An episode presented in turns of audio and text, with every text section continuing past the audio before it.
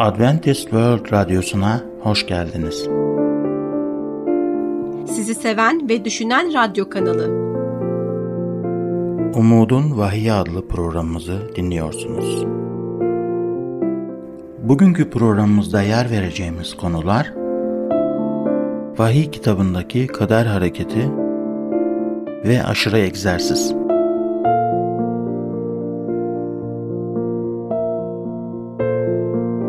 Değerli dinleyicilerimiz, programımıza hoş geldiniz. Bugünkü konumuz vahiydeki yarının dünyası. Bu konuda aklınıza takılan her türlü soruyu cevaplamaktan mutluluk duyacağımız için lütfen WhatsApp numaramız olan artı 357 99 786 706 üzerinden bize yazın. Cennet tam olarak nasıl bir şey? Bugünlerde çevremize baktığımızda cennet hakkında çok fazla kafa karışıklığı var gibi görünüyor. Geçtiğimiz günlerde çeşitli insanlarla röportajlar yapıldı ve onlara cennetin nasıl bir yer olduğunu düşünüyorsunuz diye soruldu. İşte bu sorulara verilen cevaplara göre insanların cennet hakkındaki düşünceleri. Gençlere göre cennet gökyüzünde nerede olduğu belirsiz, gerçekçi olmayan ve anlaşılamayan garip bir yer. Market alışverişi yapmakta olan orta yaşlı bir kadına göre cennet bir ruh hali, bir iç huzur ve bir sakinlik hali. Başarılı bir iş adama göre cennet 3 milyon değerindeki evi, buna ilave olarak Lexus marka arabası ve sahip olduğu melekleri de çocukları. Bir üniversite öğrencisine cennetin ne olduğunu sorduğunuzda ise bize verdiği cevap dağ başında falan mı yaşıyorsunuz? Hala bu peri masalına nasıl inanabilirsiniz oldu. Yaşlı bir çifte göre biz çocukluğumuzda cennet hakkında duymuştuk ve inşallah böyle bir yer vardır. Evet pek çok insan ve pek çok farklı cevap. Bu tabloya bakarak pek çok insanın cennet konusunda kafasının karışık olduğunu görebiliriz. Peki gerçekten cennet tam olarak nasıl bir yer? Cennet hakkındaki tam olarak doğru bilgileri nerede bulabilirsiniz? Cennet hakkında neden bu kadar kafa karışıklığı var? Neden cennet konusunda herkesin kafasında çok net olmayan fikirler var? Asıl soru ise dünyanın gizemlerini çözmek için bu anahtarı nerede bulabileceğimiz? Neden bu sorunun cevabını bulmak için milyonlarca kişinin cevaplar aradığı ve güvenilir cevaplar bulduğu bir yere bakmıyoruz? Evet dostlarım, bu aranan anahtar o kadar da gizli değil. Aslında bizlere kutsal kitabın bir nüshası kadar yakındır. İlk defa bu programımıza kulak misafiri olanlar için tekrarlayalım. Bu program, programdaki temamız şudur. Bir şey kutsal kitapta ise buna inanıyorum. Ama eğer bir şey kutsal kitap ile uyuşmuyorsa bu şey bana göre değildir ve hiçbir şey cennet hakkındaki asıl gerçeklere kıyaslanamaz. Bu gerçekleri bulmak için Vahiy kitabı ile başlayalım. Vahiy 21.1 Bundan sonra yeni bir gökle yeni bir yeryüzü gördüm. Çünkü önceki gökle yeryüzü ortadan kalkmıştı, deniz de yoktu artık. Yaratılıştan vahiye kadar tüm peygamberler bizi cennette ve yeni bir dünyaya doğru yönlendirirler. Bu peygamberler yeni bir dünyada temiz bir hava ve suya sahip, savaş, suç ve şiddetten uzak, sevgi, neşe ve barışla dop dolu bir dünyaya işaret ettiler. Kutsal kitap yani bir cennetin ve yeni bir dünyadan Adem bahçesini tarif ederken bahseder. Adem bahçesinin neye benzediğini bir düşünün. Kristal berraklıkta göller, sav bir hava, parlak bir güneş ışığı, bulutsuz günlerde bulutsuz günlerle dolu, ağaçların yemyeşil olduğu ve lezzetli meyveler taşıdığı, havasının muhteşem çiçek kokusuyla dolu olduğu, güzellikleri tarifsiz, tüm doğanın uyum içinde olduğu bir yer. Kuşlar ve hayvanlar Adem ve Havva onlara yaklaştıklarında korku içinde dağılmıyorlardı. Tam tersine onlara doğru gelirlerdi. Çünkü aralarında sadece sevgi, neşe ve arkadaşlık vardı. Hastalık ve acıdan eser yoktu. Fakat kutsal kitap o bahçeye davetsiz bir misafirin geldiğini de söyler. Havva'ya günahın ona itaatten daha büyük mutluluk getireceğini öneren bir davetsiz misafirin geldiğini söyler. Havva'nın da bu yalana inanıp günah işlemiş ve devamında Adem de Havva'nın günahına ortak olmuş ve tüm gezegeni Tanrı'ya karşı isyana sürüklemiş. Bu hüzünlü günah draması ise dünyamıza hastalık, acı, kalp kırıklıkları ve ölüm getirdi. Adem'den bu yana her nesilde insanların kalpleri cennet hayatına geri dönülmesi ve isyan halindeki bu gezegenin acılarından ve ıstırabından arınmış yepyeni bir dünyanın özlemini duydular. Yüzyıllar boyunca Tanrı'ya sımsıkı sarılmış, bulundukları zamanın ta ötesine bakabilen, gözlerini bir başka diyara, bir başka dünyaya doğru çevirmiş olan insanlar oldu. Onlar bu dünyanın kendi evleri olmadığına inanıyorlardı. Hastalık, acı, kalp kırıkları ve ölümle dolu bir dünyadan daha iyi bir dünyanın mümkün olduğuna inanıyorlardı. Bu insanlardan birisi ise İbrahim adında bir adamdı. İbrahim'in vizyonu sonsuzluğa sabitlenmişti. Gözlerini başka bir dünyaya dikilmişti. İbrahim bulunduğu zamana değil, sonsuzluğa odaklanmıştı. Bu dünyanın ötesinde ne olacağını hayal etmişti. İbraniler kitabı 11. bölüm 10. ayette şöyle diyor. Çünkü mimarı ve kurucusu Tanrı olan temelli kenti bekliyordu. Cennetin havasını soludu ve gözleri kurucusu ve yaratıcısı Tanrı olan bir şehri aradı. Musa'nın yaşamında da bu özlem devam etti. Musa Mısır'da Firavun'un ülkesine esir bir köleydi. Musa Mısır'ın yönetiminin tahtına devralmaya mahkumdu. Mısır'ın Firavunu olacaktı. Ancak kutsal kitap İbraniler 11. bölüm 24'ten 26'ya bize şunu söylüyor. Musa büyüyünce iman sayesinde Firavun'un kızının oğlu olarak tanınmayı reddetti. Bir süre için günahın sefasını sürmektense Tanrı'nın halkıyla birlikte baskı görmeyi yeğledi. Mesih uğruna aşağılanmayı Mısır hazinelerinden daha büyük zenginlik saydı. Çünkü alacağı ödülü düşünüyordu. Tanrı bu sadık insanlardan bahseden 13. ve 14. ayetlerde şöyle der. Bu kişilerin hepsi imanlı olarak öldüler. Vaat edilenlere kavuşamadılarsa da bunları uzaktan görüp selamladılar. Yeryüzünde yabancı ve konuk oldukları açıkça kabul ettiler. Böyle konuşanlar bir vatan aradıklarını gösteriyorlar. Çok uzak olsa da biz bu asil inancı seviyoruz. Onu kucaklamaya hazırız. Böyle bir inancı içimizde besleyebiliriz. Bu dünya bizim evimiz değil. Bizler burada sadece geçici yolcularız. İbraniler 11-16'da ama onlar daha iyisini yani göksel olanı arzu ediyorlardı. Bir gerçek vardır. Biz yabancıyız, biz yeryüzündeki hacılarız. Ufkumuzda sonsuzluk var. Bize umut ve güven veren cennet ufukta görünüyor. İbraniler 11-16'da ise bunun içindir ki Tanrı onların tanrısı olarak anılmaktan utanmıyor. Çünkü onlara bir kent hazırladı. Tanrı hayal gücümüzün ötesine mükemmellikteki şeyleri yapabilir. Ve evet cennet gerçek bir yerdir. Hayal ürünü bir dünya değildir. O kutsal şehir inecek, bu dünya ise yeniden inşa edilecektir. 1. Korintiler 2.9'da şöyle diyor.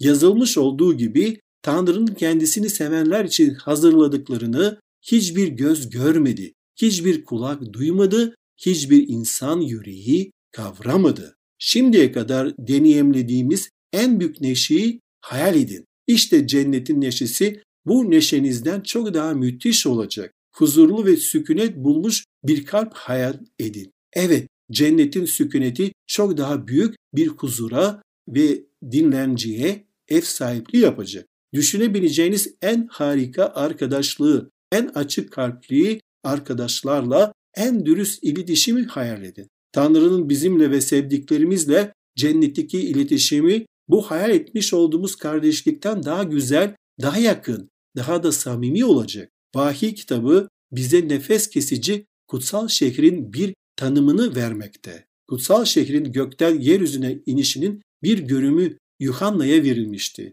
Yuhanna şöyle yazmıştı. Vahiy 21.2'de kutsal kentin yeni Yeruşalim'in gökten Tanrı'nın yanından indiğini gördüm. Güveyi için hazırlanmış süslü bir gelin gibiydi. Bu şehri kim hazırladı?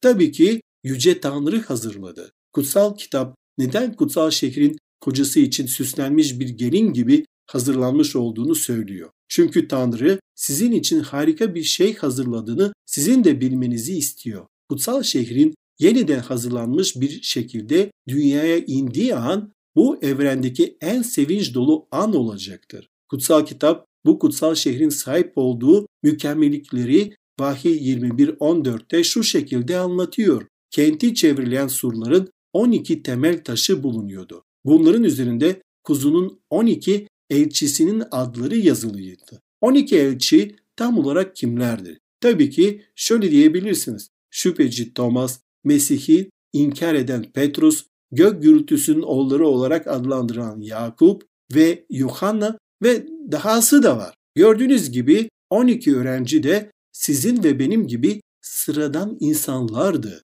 Toplumumuzda her gün karşılaşmakta olduğumuz insanlar gibiydiler. Tıpkı bizler gibi şüpheleri, korkuları vardı. Devam etmeden önce bu konuyla ilgili herhangi bir sorunuz olması durumda artı 357 99 786 706 olan WhatsApp numaramızı hatırlatmak isterim. Bu öğrencilerin, balıkçıların, vergi memurların ve sıradan işçilerin de bizim gibi zayıf yönleri vardı. Mesih'in takipçileri hataları olan insanlardı. Ancak onların isimleri kutsal şehrin temellerindedir. Neden? Çünkü Tanrı bize onlar yapabildiyse siz de yapabilirsiniz demek istiyor. Onlar içeri girebildiyse siz de girebilirsiniz demek istiyor. Cennet sadece birkaç süper seçkin insan için tasarlanmamış bir yer değildir. Tam tersine cennet aslında Mesih'in kanı tarafından kurtarılan sıradan günahkarlar için hazırlanmış bir yerdir. Yani sizin ve benim gibi insanlar için. Kutsal kitap Vahiy 21'de bu şehri anlatmaya şöyle devam ediyor. Vahiy 21 şöyle diyor. Kent kare biçimdeydi, uzunluğu enine eşitti. Melek kenti kamışla ölçtü, her bir yanı 12 bin ok atımı geldi. Uzunluğu, eni ve yüksekliği birbirine eşitti.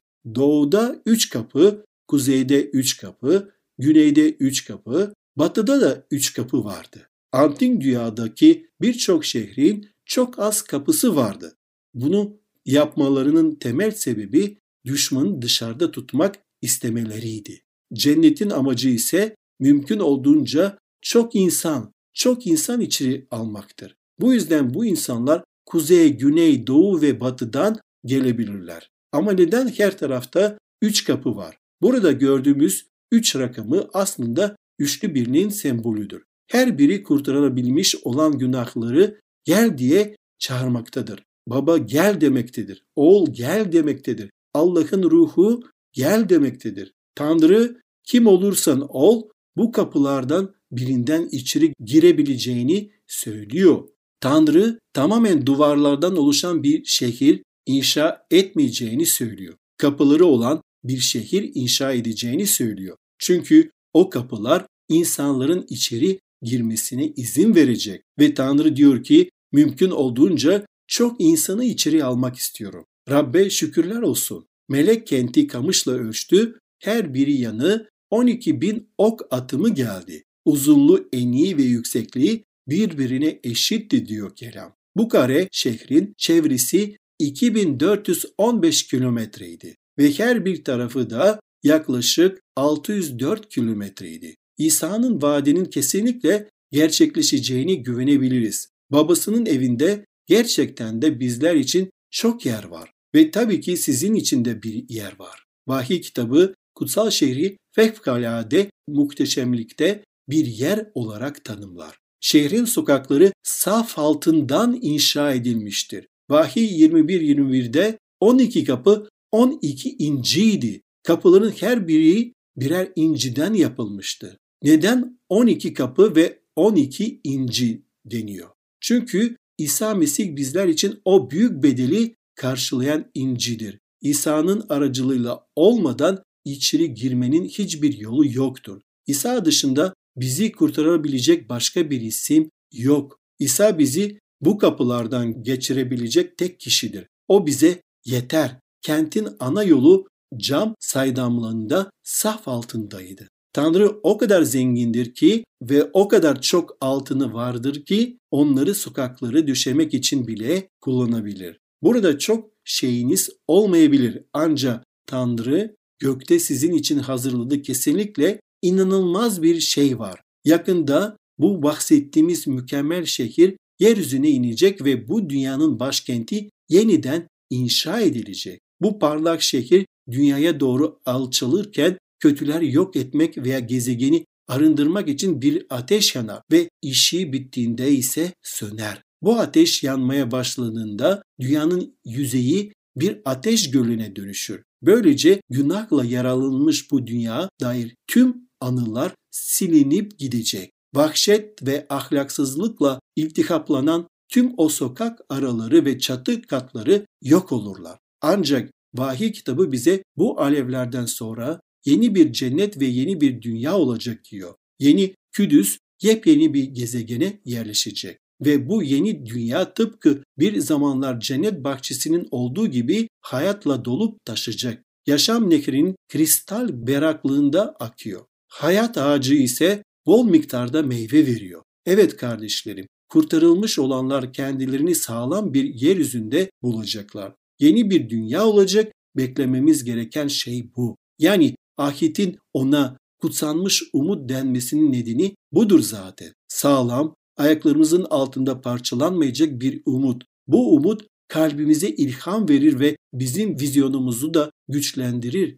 Yeni dünya özetlemek gerekirse restore edilmiş bir cennet bahçesi olacak. Yeşaya peygamber Yeşaya 35.1'de bize bu dünyada bir bakmamız için fırsat veriyor. Şöyle diyor kelam. Göl ve kurak toprak sevinecek, bozkır coşup çiğdem gibi çiçeklenecek. Sevinç şarkıların sesi sizin de kulağınıza geliyor mu? Dünya cennet bahçesi gibi yeniden yaratılıyor. Capcanlı yeşilliklerle kaplı. Göreceğimiz manzaranın harika olacağını hiç şüphe yok. Her yere müthiş ve güzellik hakim olacak. Çiçekler, ağaçlar ve bitkiler havayı hayat veren kokularla doldurulacaklar. Yeni dünya Adem bahçesi restore edilecek. Gözlerinizi açtığınızda şu an yaşadığımız dünyaya değil de yeni ve harika bir dünyaya uyandığınızı hayal edin. Tanrı'nın dünyasına uyandığınızı, o dünyada nefes aldığınızı ve havanın Tanrı'nın havası olduğunu hayal edin. Su içtiğimizi fakat bu suyun hayatın çeşmesinden gelen taze bir su olduğunu hayal edin. Meyve yediğinizi fakat bu meyvenin hayat ağacından meyvesi olduğunu hayal edin. İnanılmaz bir sevgi atmosferinde yaşamınızı sürdürdüğünüzü hayal edin. Peki cennette ne tür bedenlerimiz olacağını, bedenlerimizin ne şekilde yenileceğini hiç merak ettiniz mi? Bu yeni dünyada fiziksel olarak nasıl bulunacağız? Bazı insanlar kurtarılmış olanların kozmik bir buhar gibi sadece ruhsal varlıklar olacağı fikrine sahipler. Şimdi bu pek mantıklı değil, değil mi? Hadi bu konuda bilgi almak için kutsal kitaba bakalım. Filipliler 3, 20 ve 21'de şöyle diyor. Oysa bizim vatanımız göklerdedir. Oradan kurtarıcıyı Rab İsa Mesih'i bekliyoruz. O her şeyi kendine bağlı kılmaya yeten gücünün yetkinliğe zavallı bedenlerimizi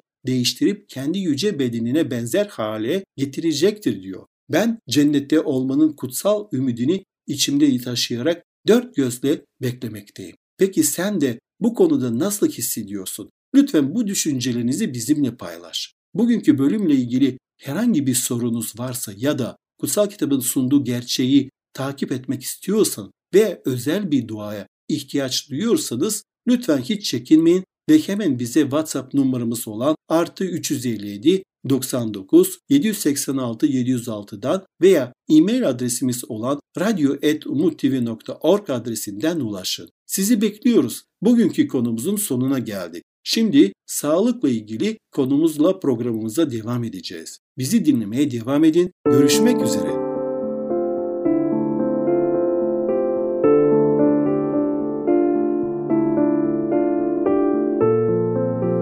Merhaba değerli dinleyicilerimiz. Sağlık programımıza hoş geldiniz. Bugünkü konumuz sağlık ve maneviyat. Değerli dinleyicilerimiz, sağlık kelimesini çok sık kullanıyoruz. Konumuza devam etmeden önce bu konuyla ilgili herhangi bir sorunuz olması durumunda artı 357 99 786 706 olan WhatsApp numaramızı hatırlatmak istedim. Evet değerli dinleyicilerimiz, sağlığı tanımlamak kolay bir iş değildir. Görüyorsunuz, çok farklı cevaplarımız var. Yanlış bir tanım olmamakla birlikte sağlığın özünü birkaç kelimeyle yakalamak göz korkutucu bir çabadır.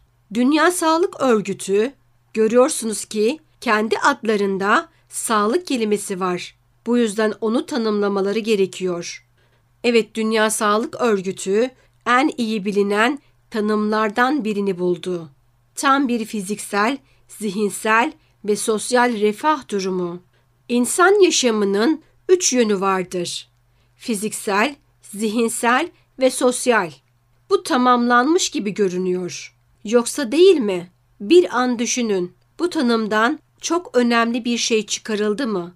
Size yardım etmek için bir soru sorayım. İnsanların sağlığından söz ediyoruz. Ancak bu tanım insan varoluşunun özünü gözden kaçırıyor gibi görünüyor. Aşkınlık, varoluşun gizeminin bir duygusu, bir anlam arayışı, doğa üstünü bir kavrayıştır. Dünya Sağlık Örgütü'nün dört kısımlı tanımını hayvanlara da uygulayabilir miyiz? Fiziksel mi?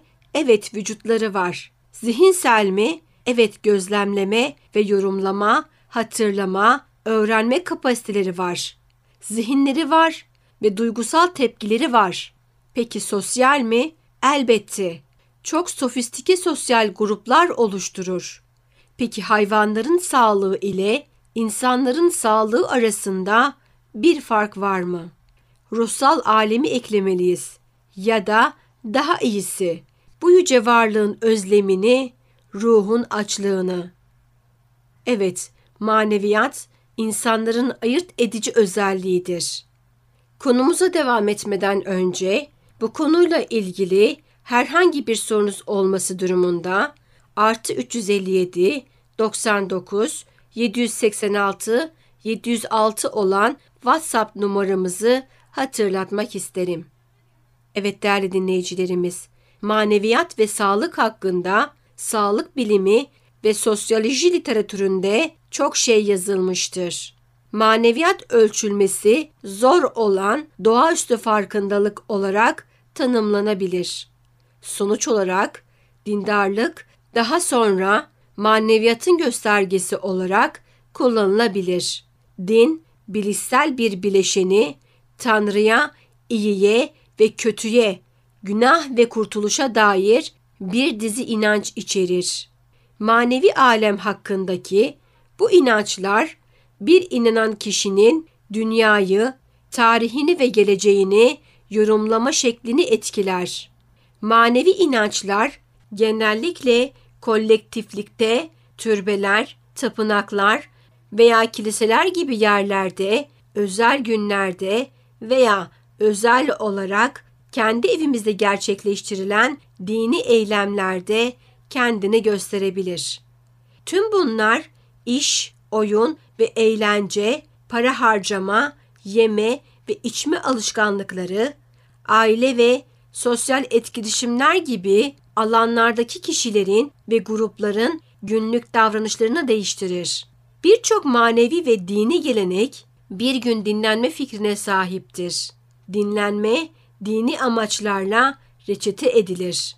Ancak insanların dini olmayan yaşamları üzerinde etkisi vardır. Dinlenmiş ve üretken olmamız için hem haftalık hem de yıllık dinlenme ihtiyacımız var. Biz insanların sınırları var. Düzenli dinlenme zamanları olmadan çalışamayız ve yine de bütünsel olarak sağlıklı, mutlu ve üretken bir yaşam sürdüremeyiz. Optimum fiziksel, zihinsel, duygusal ve ruhsal sağlığın tadını çıkarmak için günlük dinlenmeye, haftalık dinlenmeye ve yıllık molalara ihtiyacımız var. Sumut olalım ve belirli bir grup hakkında tartışalım. Yedinci gün Adventistleri tüm dünyada uzun ömürlülüğü ve toplumu rahatsız eden birçok kronik hastalığın az görülmesi ile tanınan bir Hristiyan mezhebini temsil eder. Araştırmacılar bir açıklama bulmak için on binlerce Adventisti titizlikle incelediler ve Adventistlerin sağlık avantajı ifadesini ortaya çıkardılar. Bunun temelinde dengeli ve bir vejeteryan beslenmenin ve tütün, alkol ve diğer zararlı ürünlerin kullanımından kaçınmak olduğunu anladılar. Bunlar gerçekten faydalı sağlık uygulamalarıdır. Bununla birlikte mevcut ve devam etmekte olan Adventist Sağlık Çalışması 2'nin bir alt çalışması olan Adventist Din ve Sağlık Çalışması'nın Şabat'ın daha iyi zihinsel ve fiziksel kalitesiyle ilişkili olduğunu gösterdiğini belirtmek ilginçtir. Veri analizi Şabat günü seküler faaliyetlerde bulunan Adventistlerin daha kötü fiziksel sağlık bildirdiklerini gösteriyor. Buna ek olarak Şabat'ı korumanın gerginliği azalttığını ve sakinlik ve barış duygularını teşvik ettiğini söyleyenler de daha iyi bir ruh sağlığı bildirdiler. Son zamanlarda 16 yıllık bir takip dönemini gösteren sağlam bir çalışma 74.534 denek yayınlandı.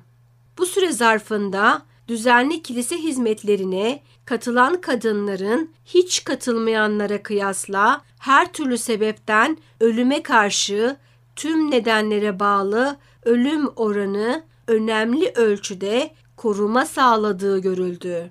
Haftada birden fazla katılanlar en yüksek yararı elde etti. Sonuçlar farklı ırk ve etnik gruplarda tutarlıydı. Kardiyovasküler ve kanser ölümleri üzerindeki etki özellikle dikkat çekiciydi. Evet sevgili dinleyicilerimiz, din kesinlikle sağlık sonuçlarını etkiler. Bu sizin için ne ifade ediyor? Bugünkü konumuzla veya sağlıkla ilgili herhangi bir sorunuz varsa WhatsApp numaramız artı 357 99 786 706 veya radyo et umuttv.org elektronik posta yoluyla bize yazmanızı tavsiye ederim. Size cevap vermekten mutluluk duyarız. Bizi dinlediğiniz için ve bizi tercih ettiğiniz için teşekkür ederiz. Bir sonraki programda görüşmek üzere.